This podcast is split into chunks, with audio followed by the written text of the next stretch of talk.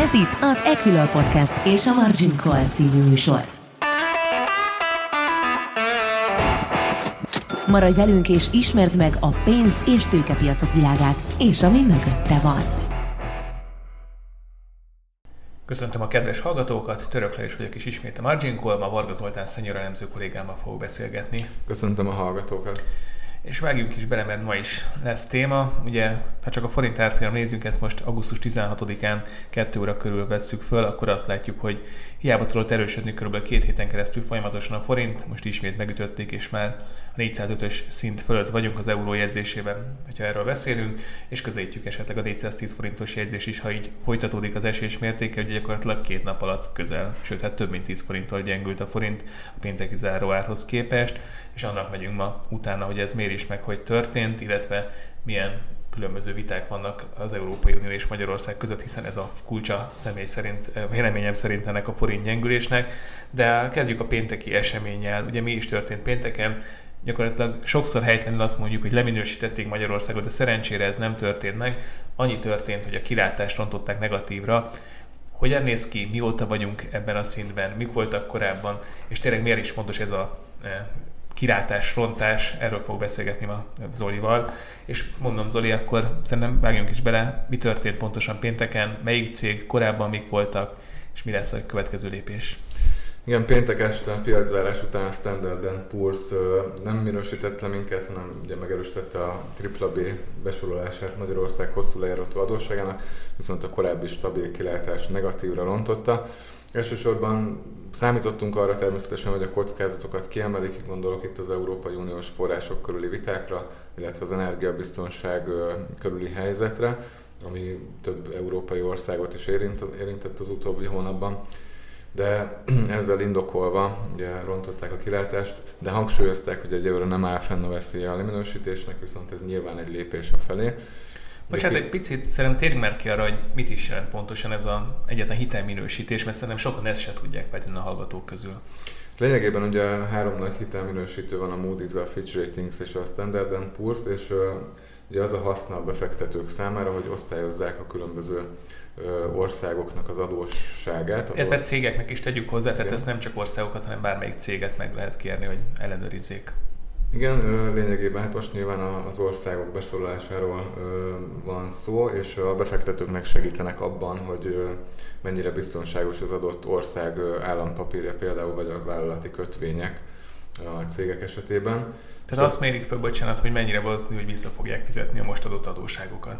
Így van, a csőd kockázatot is mérik adott esetben, és azt érdemes hozzátenni, hogy még közel sem vagyunk a Bovli kategóriához, tehát még a, ha le is minősít az S&P minket, akkor még van egy kategória BBB mínusz, ami még mindig befektetésre ajánlott.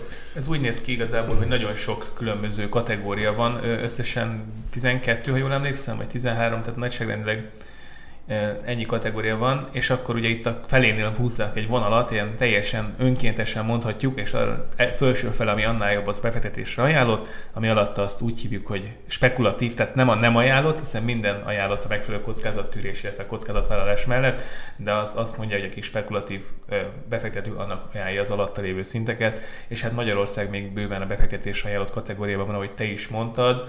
Korábban azért ebből volt vita, hogy Ugye Bóliba voltunk hosszabb ideig, ez jogos volt-e vagy nem volt-e jogos, mikor kerültünk vissza a befektetés ajánlott kategóriába, illetve mekkora esélyt adsz most annak, hogy ismét esetleg Bóliba kerülnénk. Ugye 2011-ben húztak le minket Bovliba, ugye akkor volt egy euróválság Görögországgal kapcsolatban, és a magyar költségvetés helyzete is bizonytalan volt. De utána megoldották a nyugdíjpénzek államosításával ezt a bizonytalanságot. Igen, részben ez is segített a költségvetésnek, aztán 2016-ig kellett várni ahhoz, hogy visszaminősítsenek minket felfelé a befektetésre ajánlott kategóriába. És akkor itt szerintem térjünk ki arra, hogy mi a jelentősége gyakorlati szempontból a Bovli kategóriának Ugye, hogyha mind a három hitelminősítő szerint egy adott ország kötvénye, kötvénye a Bovli kategóriában van, akkor bizonyos befektetési alapok nem vásárolhatnak szabályzat szerint adott ország kötvényébe, és legalább kettő szerint befektetésre ajánlott kategóriában kell lennie a minősítésnek ahhoz, hogy vásárolhassanak. Tehát ez elsősorban a kötvénypiacon érdekes, illetve a hozamok szempontjából. Igen, mindenképpen, mondtad a kötvényalapokat, de a bankoknál sem egy utolsó szempont, tehát hogyha a bankoknak a könyvét vizsgáljuk, és azt nézzük, hogy milyen tőkét kell tartani bizonyos eszközökkel szemben, akkor ott is nagyon fontos ez a kategória, tehát tegyük fel egy bank szeretne mondjuk magyar állampapírt tartani a könyvében, mert mondjuk valamit kell kezdeni a bennévő betétekkel, és valahova szeretné ezt elhelyezni, akkor egyáltalán nem mindegy, hogy milyen kategóriába tartozik ezek közül. Ennek megfelelően kell különböző más tőkét elhatárolnia ehhez, vagy nem. Ezért is nagyon fontos az, hogy továbbra is ebben a kategóriában maradjunk. Így van, és nem is nagyon látok egyelőre arra esélyt, hogy ez veszélybe kerüljön. Nagyon optimista vagy, Zoli, ha még esélyt se látsz rá. Hát próbálok azért optimista maradni.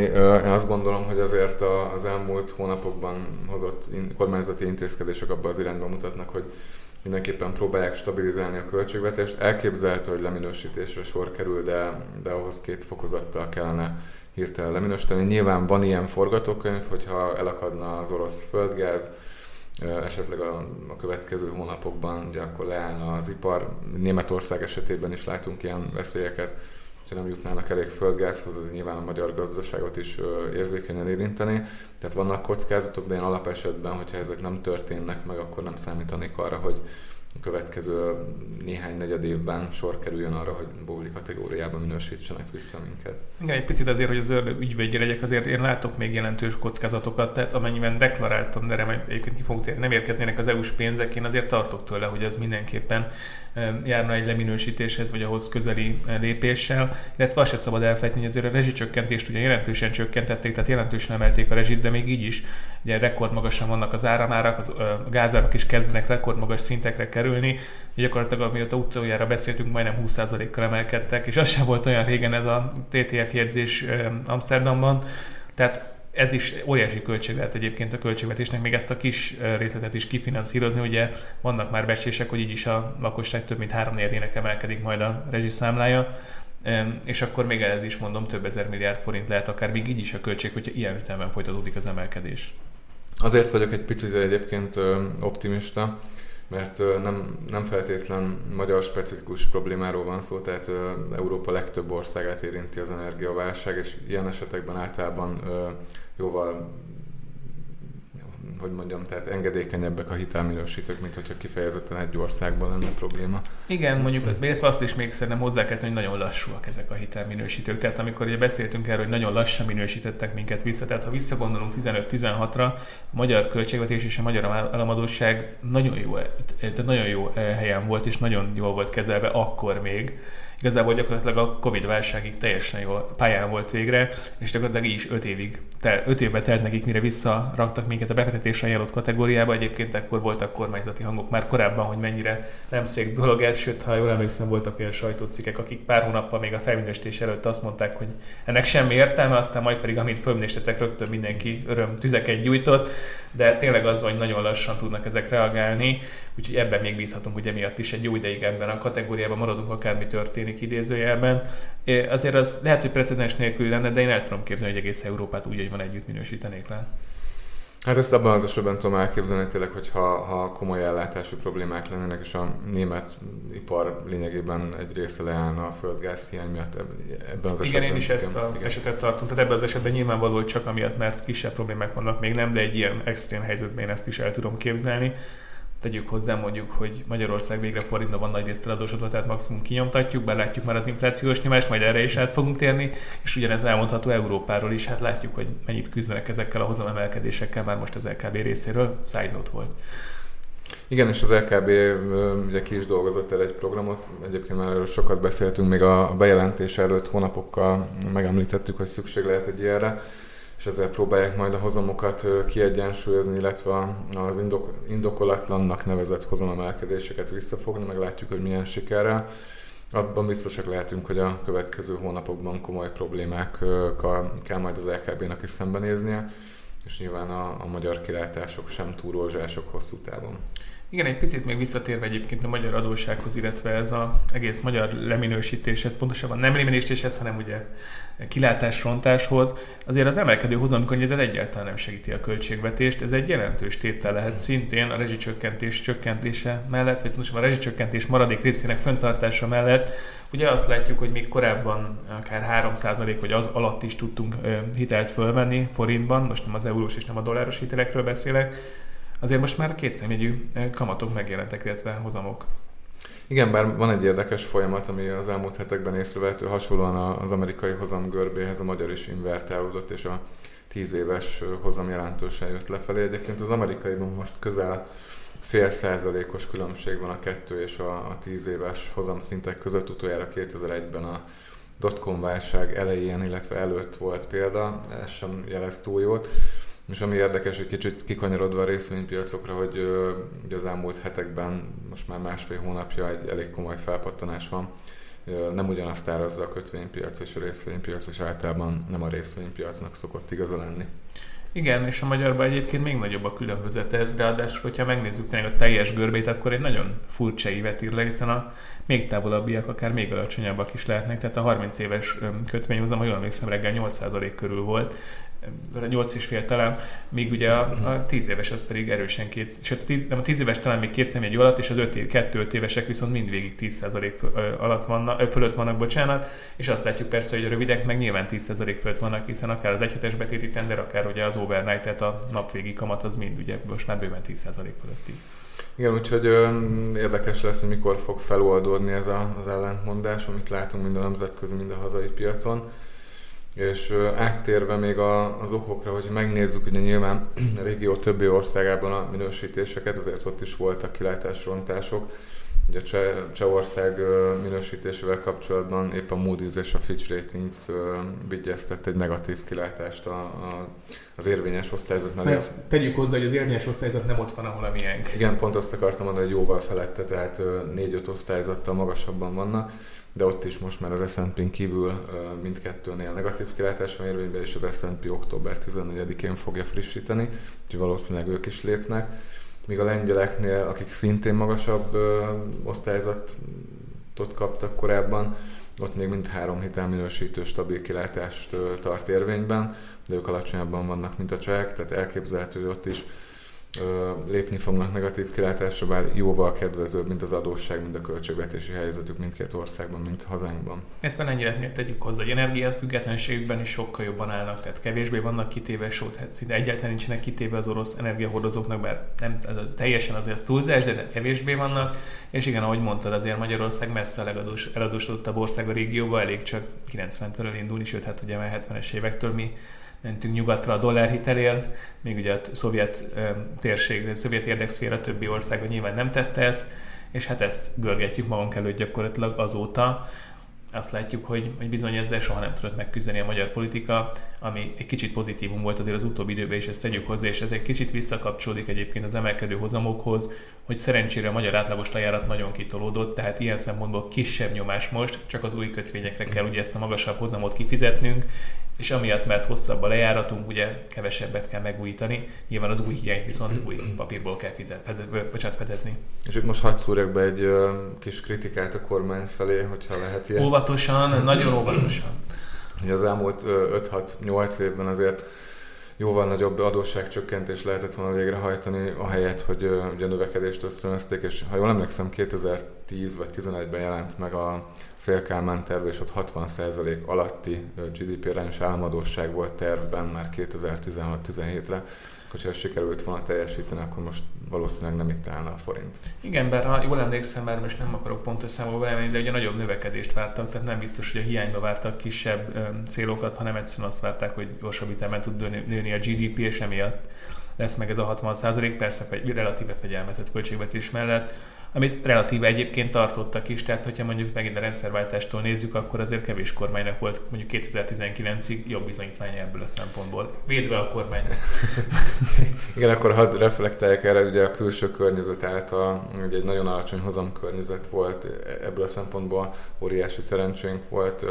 Én azt láttam egyébként, hogy október-novemberig sikerült tartani a szigorú költségvetés az utolsó hónapban, amikor látták, hogy mekkora többlet pénz keletkezett a költségvetésben, akkor gyorsan elköltötték, és korábban ugye még a miniszterelnök is illetve a pénzügyminiszter is többször emlegette a nullás költségvetést. És de jó, de volt a sor alá beadjuk a adóbevallást, és igen, ehhez képest a katát két nap alatt vezették ki, most idézőjelben a két napot, bocsánat, másfél hónap alatt legyünk precízek, tehát azért lássuk be, hogy több olyan ígéret hangzott el az utóbbi hát akár 12 évet, akkor mondjuk 12 évet, de a 90-től nézve akkor a 32 évet, amit hát nem nagyon tartottak be a kormányok.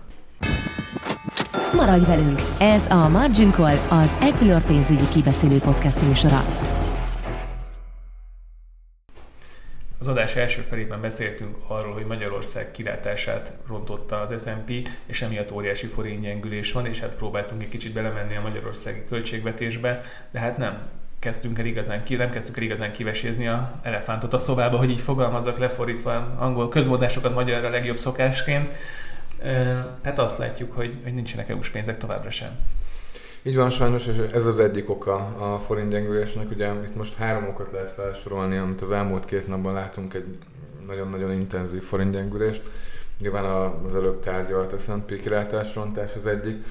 A másik az uniós források körüli bizonytalanság, nincsenek sajnos látható előrelépések az ügyben, a harmadik pedig a, a TTF földgáz újabb, elég komoly áremelkedése, annak ellenére, hogy a, az olaj folyamatosan jön lefelé, tehát ketté vált teljesen a két energiahordozó. Úgyhogy akkor beszéljünk az uniós forrásokról. Beszéljünk, bár olyan szempontból nincs miről beszélni, nincs miről. Tehát nincs itt. Tehát nyilván akkor jobb lenne már beszélni, hogy arról kéne beszélni, hogy milyen gazdaságélénkítő hatásai lennének a különböző uniós források beérkezésének. Én nagyon pessimista vagyok, és félek, hogy erről nem biztos, hogy az idejében fogunk tudni beszélni és szerintem szedjük kettő, ugye két nagy forráscsoportról van szó, ugye a kohéziós alap, illetve a helyreállítási alap. Kezdjük a helyreállítási alappal, hiszen itt a sürgős a dolog. Tehát a, igen, az, az év végére kellene megegyezni majd a RFF alapról, amit az Európai Unió biztosítana, részben visszanemtérítendő forrásokat, részben pedig hitelfelvételi lehetőséget és ugye most augusztus 22-ig van ö, ideje a kormánynak, hogy az Európai Bizottság számára visszaküldje a válaszlevelet, amiben ugye reflektál a kritikákra, és onnantól egy hónapja van még az EB-nek arra, hogy elbírálja ezt. Ezt annyival egészíteném ki, hiszen az évvégi dátum, amit említettél, nagyon optimista. Én attól félek, ugye, hogy akkor már kész programokkal kellene előállni, és mindent gyakorlatilag egybe lerendezni. Azért ez még ha van megállapodás, akkor is hónapok szoktak lenni, hogy precízen lett, hogy letárgyalják ezt az unióval. Tehát én attól tartok, hogy szeptember végéig itt elő, elég erősen legalábbis bejelentés kellene. Ugye látunk, látunk lengyel, illetve látunk olasz példákat, ahol már problémák vannak. Szerintem kezdjük az olaszszal, mert az olyan szempontból egyszerűbb, hogy ott nem politikai csatározás van, hanem egyszerűen nincs egy kormány, aki képes lenne összerakni ezt a programot. Igen, talán mi abból a szempontból előnyösebb helyzetben vagyunk. Én bízom benne, hogy már a vázlatot... Nem bukik meg a kormány év végéig? ebből, a, nem, ebből a szempontból szerintem nem opció egyelőre. Tehát én bízom benne, hogy a, a tervet már összerakták vázlatosan, és azt már csak be kellene majd nyújtani. Ugye nincs hivatalos terv, de, de az biztos, hogy a háttérben. Igen, háttérben valószínűleg elindultak már persze és az olaszoknak ugye pont ez a probléma, és akkor térjünk át a lengyelekre, ahol elméletileg van megállapodás, gyakorlatilag nincs. Igen, ott egy ígéretet kaptak lényegében az Európai Bizottságtól, hogy ha bizonyos feltételek teljesülnek, akkor megkaphatják a forrásokat, viszont az Európai Parlament nem szeretné ezt odaadni a lengyeleknek, úgyhogy itt is lesznek még viták, de jóval előrébb járnak az egyeztetésekben, mint Magyarország. Igen, ez nagyon érdekes, hogy gyakorlatilag van az Európai Bizottság, ami sokkal engedékenyebb, egyébként nem hivatalos források szerint Magyarországgal szemben is talán jobban meg lehetne egyezni, és akkor van az Európai Parlament, aminek a funkcióját egyébként nagyon nehéz lenne meghatározni, hogy megéri ezt a sok pénzt, amit Európai Uniós adófizetőként kidobunk rá, de hát igen, pont jött egy nagyon vicces javaslat a kormány rész, hogy azt is meg kellene reformálni, persze, mert pont erre van még energiánk, hogy ilyenek ötleteket dolgozzunk ki, szájnót bezár, de a lényeg a lényeg tényleg az, hogy van egy ilyen kvázi megválasztott, kvázi igazából nem nevezhetjük valóban demokratikus megválasztásnak, hiszen minden helyi, tehát nem ezekre a politikus, nem, nem szavazhat az Európai Néppártra például Magyarországon, mert nincs tagja. Itt a KDNP-t leszámítva, akire nem lehet külön szavazni. E, mindegy, de hogy őket, őket tartják ugye demokratikus képviseletének az Európai Uniónak, ami mondom szerintem egy kicsit nevetséges, de, de minden esetre semmi dolguk nincs idézőjelben, csak az, hogy nagyon néha látszanak, és most talán egy lehetőség számukra, és ezt látjuk a lengyelekkel, és ezt látjuk a magyarokkal szemben is.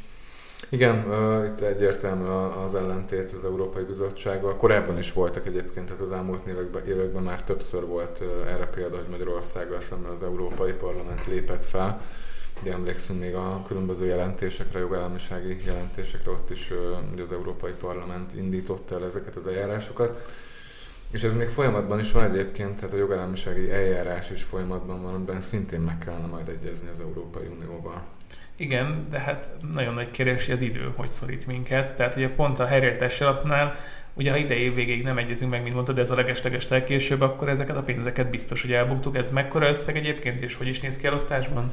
A visszanemtérítendő támogatás körülbelül 2500 milliárd lenne a, a hitelfelvételi lehetőség pedig 1500-2000 és valószínűleg még hogyha nem is sikerül évvégéig megegyezni, akkor is van egy olyan opció, hogy ennek egy részét megkaphatjuk, de ez már tényleg az Európai Unió engedékenységén fog múlni. Azt azért látjuk, hogy ezzel nem rendelkezünk jelenleg. Egyelőre nem, és már így is buktunk egyébként belőle, mert a tavalyi GDP növekedés nagyobb volt, mint a várt, és ehhez is kötötte az Európai Unió. Hogyha tavaly sikerül megegyezni, beadni a terveket és lehívni a forrásokat, akkor sokkal nagyobb összeget kaptunk volna. Jó, még ezt tegyük az évválasztások előtt biztos nem adták volna oda az előző kormánynak az ebbe, ezt kijelenthetjük, és hát most is ez a probléma, hogy nem a magyar kormány van jobb tárgyalási pozícióban, nem, nem a tárgyalás, tehát ma minket szorít az idő, és nem őket. Igen, bár én nem gondolom, hogy az Európai Uniónak érdeke lenne, hogy gazdaságilag nehéz helyzetben hozzon egy tagállamot. Én azt gondolom, hogy... Kivéve, a... ha Magyarország az. A rejteljes ország, tudjuk, hogy mindent megvétóztunk eddig is. Hát Lengyelországgal szemben is azért voltak szigorúbb eljárások, illetve ott is feltételezhető volt, hogy a többi tagállamhoz képest szigorúbban járnak el, de összességében nem érdeke az Európai Uniónak, és azért az eddigi tapasztalatok azt mutatták, hogy végül sikerült megegyezni. Én most, bocsánat, közülvágnék, de azért a bizottságot és a parlamentet szétválasztanám. Tehát a bizottságnak én sem gondolnám, hogy érdeke lenne. Az Európai Parlamentnek muszáj lenne valami eredményt felmutatni Orbán Viktor kormánya ellen. Gyakorlatilag bármikor, amikor kiment Brüsszelbe, szinte mindig hülyet csinált belőlük elnézést a kifejezésért, de tényleg, tehát látszott az, hogy kiment oda, és egy gittegylet volt, amit három értelmes mondattal le tudott eh, vérvekkel lerázni őket és leszerelni őket. Hát nyilvánvalóan nagyon örülnének, hogyha bármiféle sikerszerűen fel tudnák mutatni most a kormány ellen. Nyilván ez is benne van, de én azt gondolom, mert előbb rá akartam kanyarodni, hogy a kormánynak is kellene gesztusokat tenni, és tettek is már néhányat. Hát azért nagyon óvatosan ezek nagyon a gesztusokat, óvatosan. azért amikor megvétózzuk a globális minimumadót, amivel persze lehet egyetérteni, meg nem egyetérteni, de ebben a helyzetben, vagy utolsó nap azt mondjuk, hogy azt a pátriárkát le kéne mégiscsak kapni arról a listáról, mert nekünk ez nem tetszik. Tehát azért lehet mondani, hogy tettünk minimális gesztusokat, de azért nagyon sok fekete pontot is sikerült szereznünk az utóbbi időszakban. Igen, pont, pont ezt szerettem mondani, hogy tettünk minimális gesztusokat, és általában néhány héten belül egy sokkal nagyobb lépéssel keresztbe tettünk az Uniónak, tehát itt, itt nagyon nehéz megtalálni az egyensúlyt. Ugye és Tibor próbálja ezt a szerepet betölteni, de nagyon-nagyon nehéz dolga van. Főleg, hogy az előző kormányzat a Barbidiknak nem sikerült, azt láttuk. Így van, tehát nem lesz zöggenőmentes a, a következő néhány hónapban biztosak lehetünk, és kicsit rátérve a forintra. Ugye most, ahogy említetted is, amit sikerült két-három hét alatt nagy nehezen összeszedni a magát és visszaerősödni az árfolyamnak, azt két nap alatt teljesen el is vesztettük.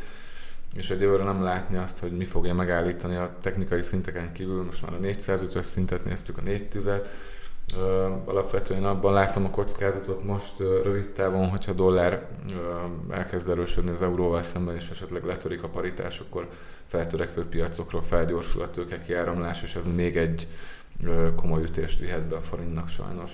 Igen, beszéltük már korábban is arról, hogy gyakorlatilag a forintot azt tudná megfordítani, hogyha megegyeznénk az unióval, és hát látjuk, hogy ez, ez nagyon nem sikerül. Eddig voltak pegykák, szerintem ezért erősödött az utóbbi két hétben, de hát ez a mostani információk alapján egyre nehezebb. A hétvégén az Observerben, a Guardiannak egy rovatában megjelent egy cikk, hogy a magyar igazságszolgáltatásnak a függetlensége az egyes bírák szerint jelentősen sérült. És hát tudjuk, hogy ez az egyik fő problémája Brüsszelnek, úgyhogy ez is, ami szerintem hétfőn elindított erre a lejtmenetre, és ahogy mondtad, itt már sok lépés a megállapodás előtt nem nagyon van, amit tudna nyilatkozni. A kormányban már mindenki elmondta, hogy közel a megállapodás, én nem tudom, hogy ezt még egy hányszor hiszi el a piac, szerintem most már többet nem fogja. Az MNB láttuk többször is, hogy eszköztelen, tehát hiába elképesztően magas a keri, tehát a kamatkülönbözet Európai, az Európai Unió és az Egyes Államok, illetve Magyarország között ez egyáltalán nem segít. Ugye mondtad, hogy van egy dollárerő ismét, ez mondjuk egy külön adás témáját megérni szerintem, de összességében nem szokott segíteni. És akkor ott vagyunk, hogy itt van mindjárt a fal ismét, tehát ugye 410 forint az egy falnak felfoghatjuk ezért, és akkor utána ismét 420 forintnál egy még fal, de hát ha azt is átvisszük, akkor itt már nincs alja ismét, és megint beindulhat a gyorsulás, és hát tényleg az történt, hogy gyakorlatilag két nap alatt elment három hónapnyi keri körülbelül? Hát lényegében igen, ugye 393-ról 4 406, most nem tudom, hogy hol fogunk ma zárni, remélem nem sokkal feljebb, de lényegében igen. Tehát eh, nagyon gyorsan tud hirtelen mozogni, és akkor ismét vérszemet kaphatnak a kereskedők. Tehát azok a kereskedők, amikor forint erősödés volt, nem merték tartani a pozíciót, ez ugye a keri miatt azért tényleg drága, azok most ismét meglátták a lehetőséget arra, már pedig látjuk azt, hogy a forint sortolással bizony lehetett pénzt keresni az utóbbi időszakban, és ezt nyugaton is nagyon jól látták szerintem, és nagyon sokan lerepültek erre, amire most ismét lehetőséget láthatnak. Igen, és szerintem ezek a szereplőknek a nagy része egyébként tegnap is a mai kereskedésben be is lépett, visszalépett a piacra. Úgyhogy ö, nem lesz egyszerű a következő néhány nap.